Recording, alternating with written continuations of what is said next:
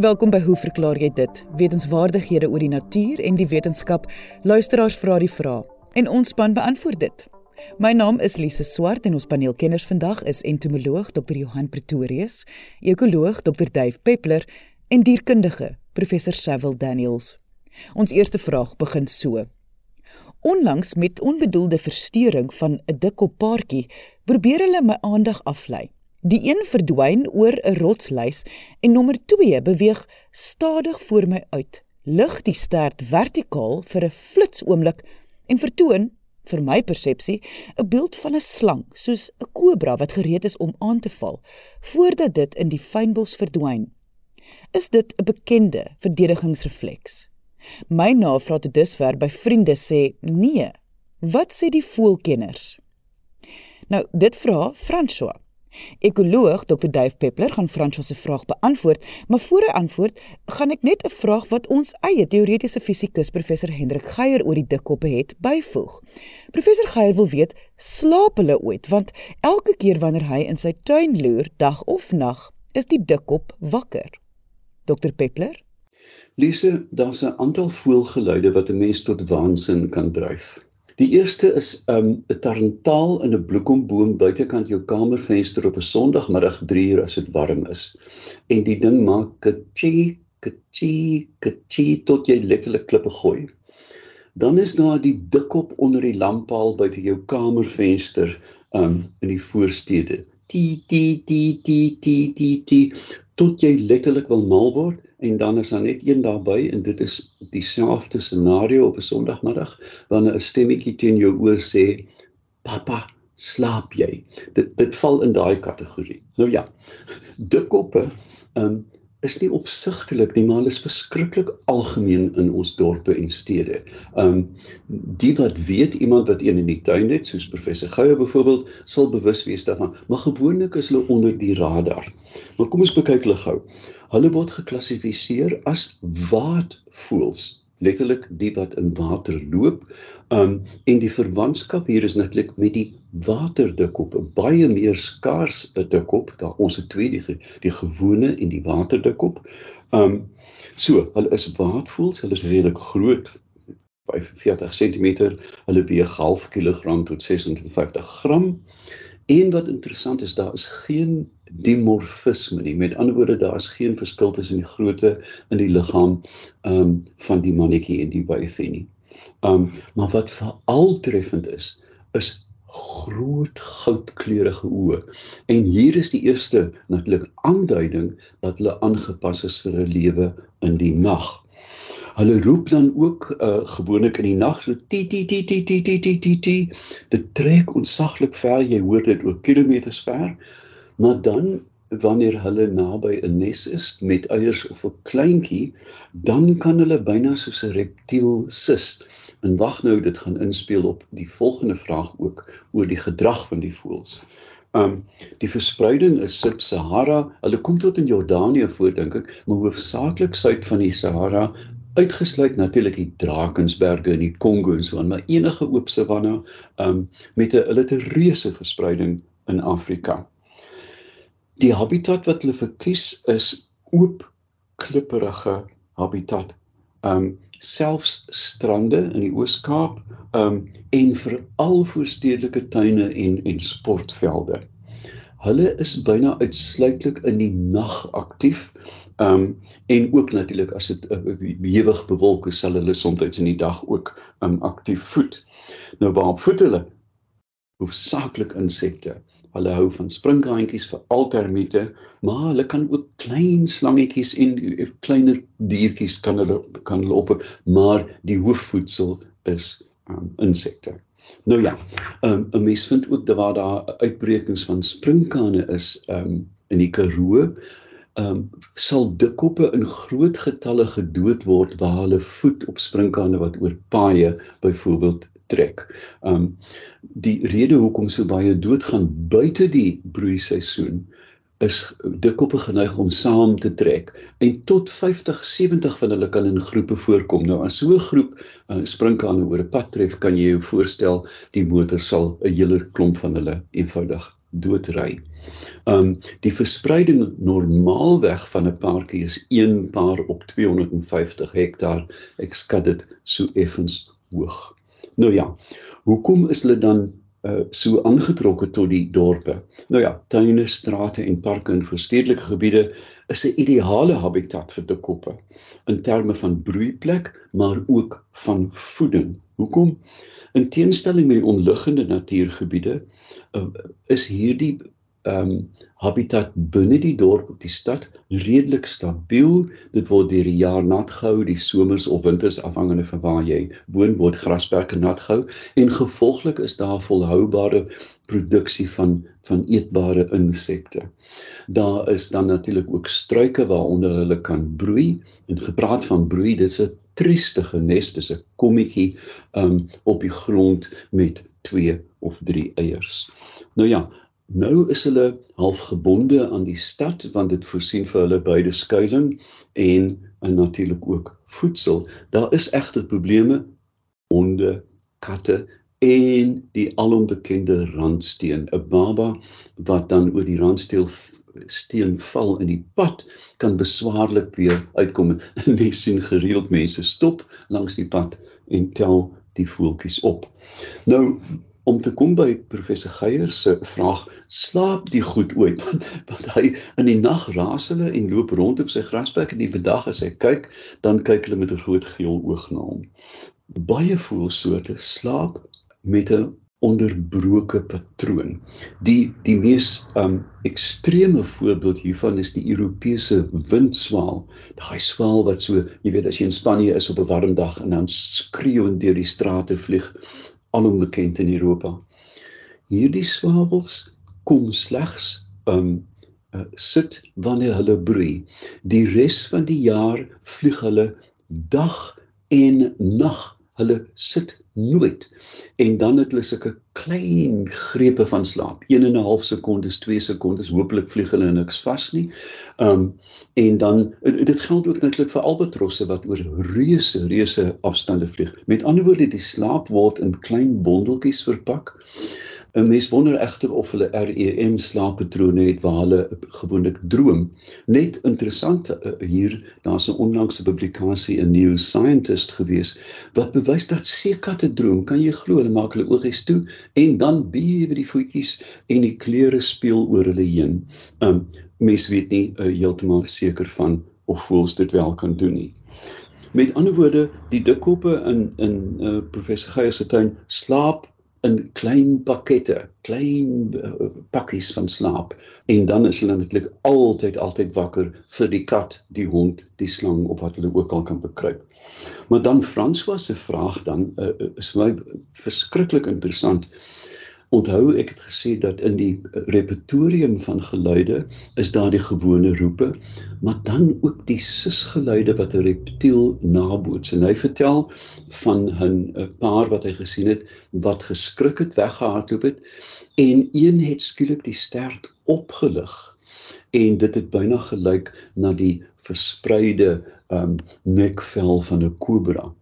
Nou Lise hier is 'n pragtige voorbeeld van waarlik 'n amateur uh, voelkyker, ek hoop nie beledig Franswa nie, wat kom met 'n baie boeiende observasie. Um met ander woorde, in die wetenskap is dit 'n hipotese. Nou, dit lê natuurlik by die wetenskap om hierdie hipotese te toets en dan um as uh, waar of onwaar te bewys. Maar ek kon in die literatuur geen verwysing na hierdie gedrag kry nie. So François, jy as um as luisteraar en amateur voelkyker, miskien is jy professioneel, kom hier met 'n waarlik interessante hipotese wat ek hoop iemand sal opneem en toets. En dit maak hierdie inskrywings by hoe verklaar jy dit vir my so boeiend dat deur die gewone vrae Nou ja, daar staan daar vra hoekom wil my avokado peulboom nie dra nie, maar dan kom hierdie fyn fyn waarneming en skielik het ons 'n nuwe greep op die wetenskap. En dit was ekoloog Dr. Dave Peppler. Pieter Koortsen van Pretoria vra ons volgende vraag. Die knopiespinnekop staan bekend as die Black Widow. Hoekom spesifiek 'n weduwee? Ons kry gereeld knopiespinnekoppe onder ons afdak. Ek los hulle uit want ek is te bang om hulle te verwyder. My vrou is oortuig hulle gaan die hele afdak oorneem. Is dit moontlik? Moet ons hulle liewers verwyder? En hoe doen 'n mens dit? Entomoloog Dr. Johan Pretorius.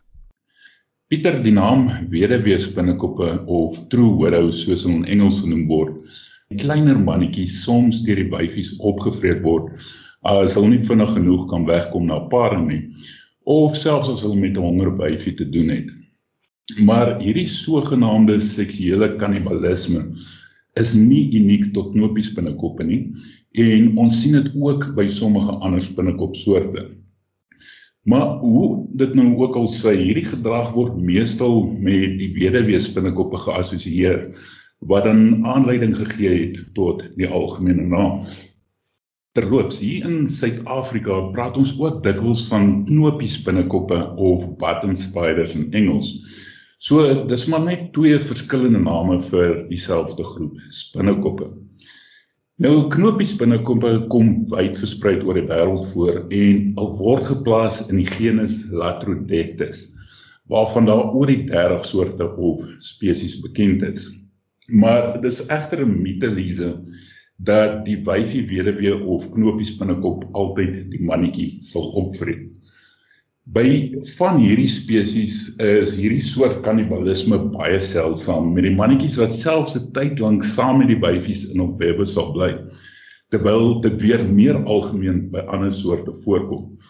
En een voorbeeld hiervan is die gevreesde redbacks of rooi rug spinnekoppe van Australië waar die mannetjie selfs baie maal sy liggaam so sal draai of posisioneer dat dit makliker is vir die wyfie om hom te byt en op te vreet.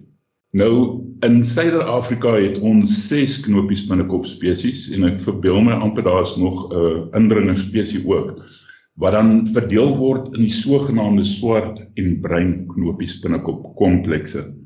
Nou dit is jammer Pieter het nie vir ons foto's gestuur nie want dan sou ons kon bepaal watter tipe knopies binnekop ons mee te doen het en selfs of dit werklik knopies binnekoppe is en ek sal net nou iets hieroor sê Elise.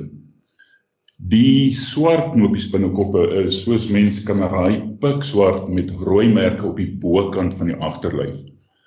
Bruin knopies binnekoppe weer se kleur kan wissel van bruin tot swart, maar die spesies wat ons hier kry het 'n rooi uurglasvormige merk op die onderkant van die agterlyf wat mens maklik raak sien as hierdie spinnekop op hul webbe sit en ek is seker baie van die luisteraars het dit al gesien. En die bruin knopies binnekoppe is veral lief daarvoor om rondom huise en ander geboue hul webbe te spin, veral die Cosmopolites spesies Latrodectus geometricus. Pieter vertel dan ook dat hy die spinnekoppe met rus laat en dit is my advies ook. Veral as die spinnekoppe nie in jou pad is nie, met ander woorde, daar's nie 'n wesenlike gevaar om gebyt te word nie. So as jy hulle nie pla nie, sal hulle jou nie pla nie. Soos meeste webspinners sal die wyfies nie sommer die web verlaat as hulle eers 'n geskikte plek gekry het om dit te spin nie. So hulle sal maar daar bly in hul webbe tensy toestande hul dwing om pad te gee. Ek sou raai dat die toestande onder Pieter se afdaag geskik is vir hierdie spinnekoppe met voldoende prooi, miskien selfs 'n lig naby wat insekte saans lok.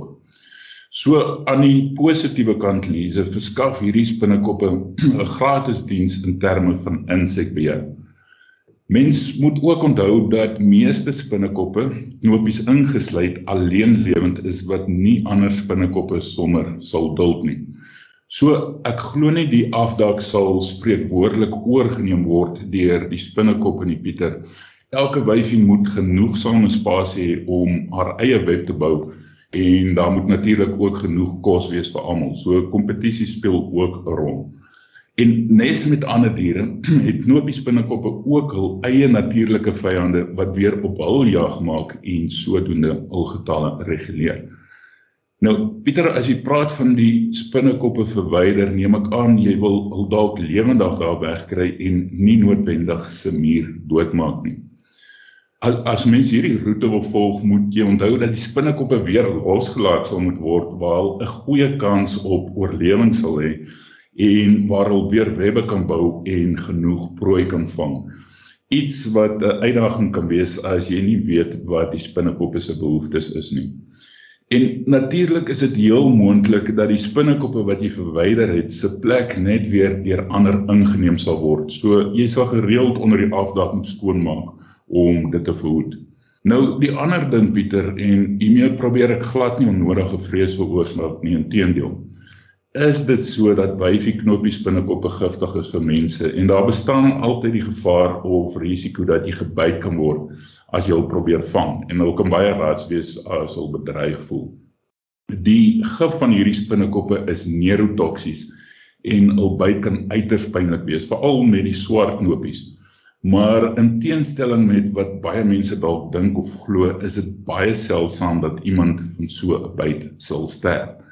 Inteendeel en ek praat onder korreksie. Ek dink nie iemand het al in Suid-Afrika gesterf as gevolg van 'n knopies binnekop byt nie.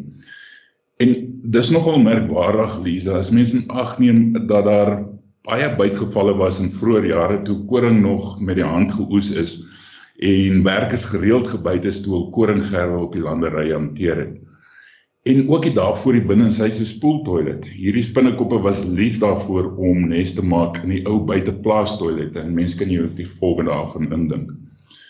Maar nou ja, breinknopies binnekoppe wat meer algemeen rondom wonings voorkom is ook nie so giftig so swart knopies binnekoppe nie en die simptome is ook meer gematig, maar wil mens regtig die kans vat.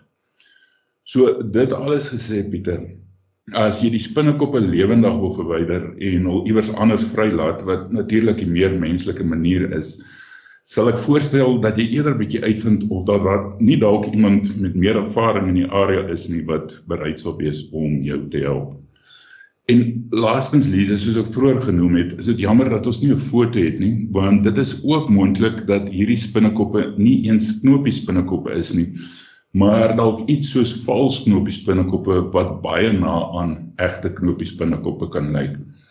So Pieter, dankie vir jou vraag en indien dit moontlik is, kan jy dalk vir ons 'n foto stuur net om seker te maak wat se binnekoppe ons hiermee te doen het. En dit was entomoloog Dr. Johan Pretorius. Onthou as jy 'n vraag het, stuur jou e-pos direk aan my, lise@rsg.co.za. Ons laaste vraag van die dag kom van Piet van Tonder en hy gaan deur dierkundige professor Cyril Daniels beantwoord word. Goeiemôre Elise, goeiemôre kollegas en goeiemôre aan die luisteraars. Vanoggend 'n vraag van Piet van Tonder.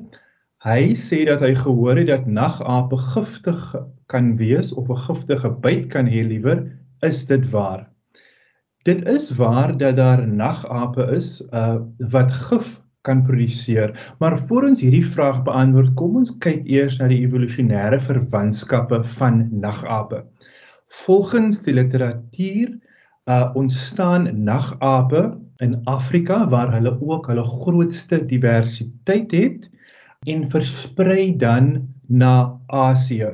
Daar is 'n baie goeie en ryk fossielbed in Pakistan en Thailand waar daar skedels van hierdie diere gevind is of tande van die diere en ehm um, hierdie resultate dui daarop dat die diere ongeveer in die Miocene era al daar gelewe het.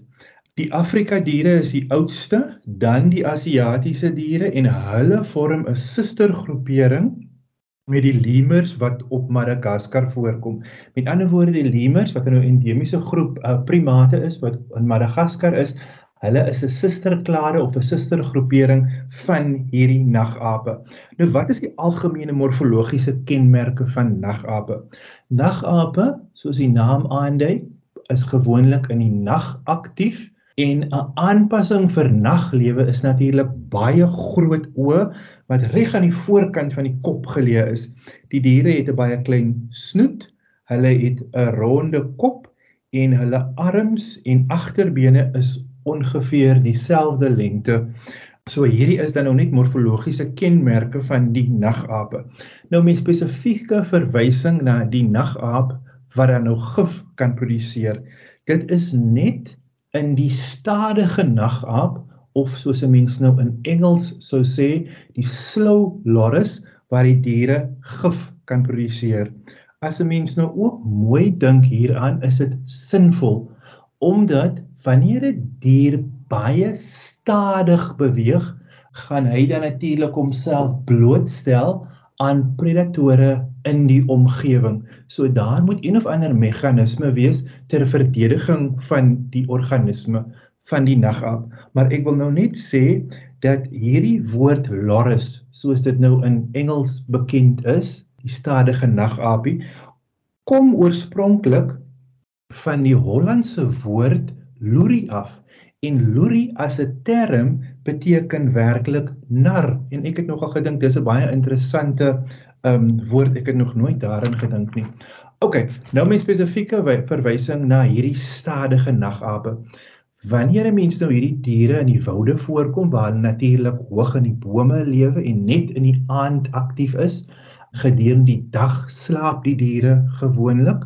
Um met ander woorde hierdie verlaagde metabolisme in die dag en ook hierdie stadige voortbeweging van die dier help natuurlik uit 'n fisiologiese perspektief om energie tot 'n groot mate te bewaar. So, wanneer jy die dier dan nou teekom in die natuur gedurende die nag, en die dier blootgestel word aan 'n predator, dan vries die diere.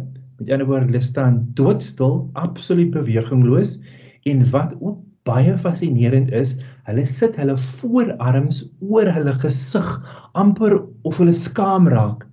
Maar wanneer jy die dier probeer vang of die dier voel dat hy dan nou bedreig word, wat die diere dan doen is hulle lek kliere wat in hulle voorarms is en hierdie vermengsel van die uh, klier en die speeksel stel essensieel 'n gif vry. Nou hierdie gif se basis is 'n proteïen. Die gif self is baie swak bestudeer, maar wat dan gebeur is die lekaksie stel die gif vry uit hierdie kliere wat op die voorarms voorkom dan is daar spesiale groewe op die dier se tand um wat dan nou die gif kan opneem. So wanneer die dier bedreig voel, dan kan hy die potensiële predator byt. Nou wat hulle al bevind het in studies is dat wanneer jy sonbeere byvoorbeeld of of natuurlike predatore in die verspreidingsarea van hierdie stadige nagapies blootstel aan die uh uh gif Die diere voel vreeslik ongemaklik en die mense dink dat dit 'n pynlike reaksie kan veroorsaak by potensiële predators van hierdie stadige nagapies. Maar mense hou ook ongelukkig hierdie diere aan veral in Asië of versamel hulle. En daar is al 'n hele paar gevalle waar mense wat die diere as troeteldiere probeer aanhou, gebyt word deur die diere. Wat dan gebeur is die mens omdat ons dan met mekaar kan praat en maklik kan kommunikeer, um, kan dan hulle simptome gelei na die mediese toe en die simptome kan ook waargeneem word. So by mense wanneer die nagapie, die stadige nagapie 'n mens byt, gaan die persoon gewoonlik aan 'n anafilaktiese skok in.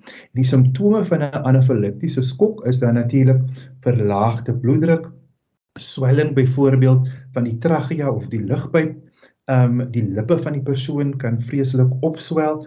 Hulle kan 'n verswakte puls ontwikkel of 'n pols ontwikkel. Hulle kan lighoofdig raak en hulle kan selfs 'n uh, floute toon. Met ander woorde, die mens moet dan na 'n hospitaal toe geneem word.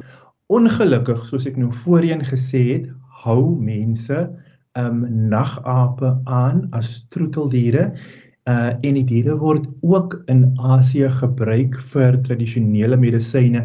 Dit het natuurlik 'n baie beduidende negatiewe impak op die populasie, 'n getalle van hierdie diere tot so 'n groot mate dat baie van hierdie stadige nagapie spesies um op die krities bedreigde dier is, 'n lys is vir diere.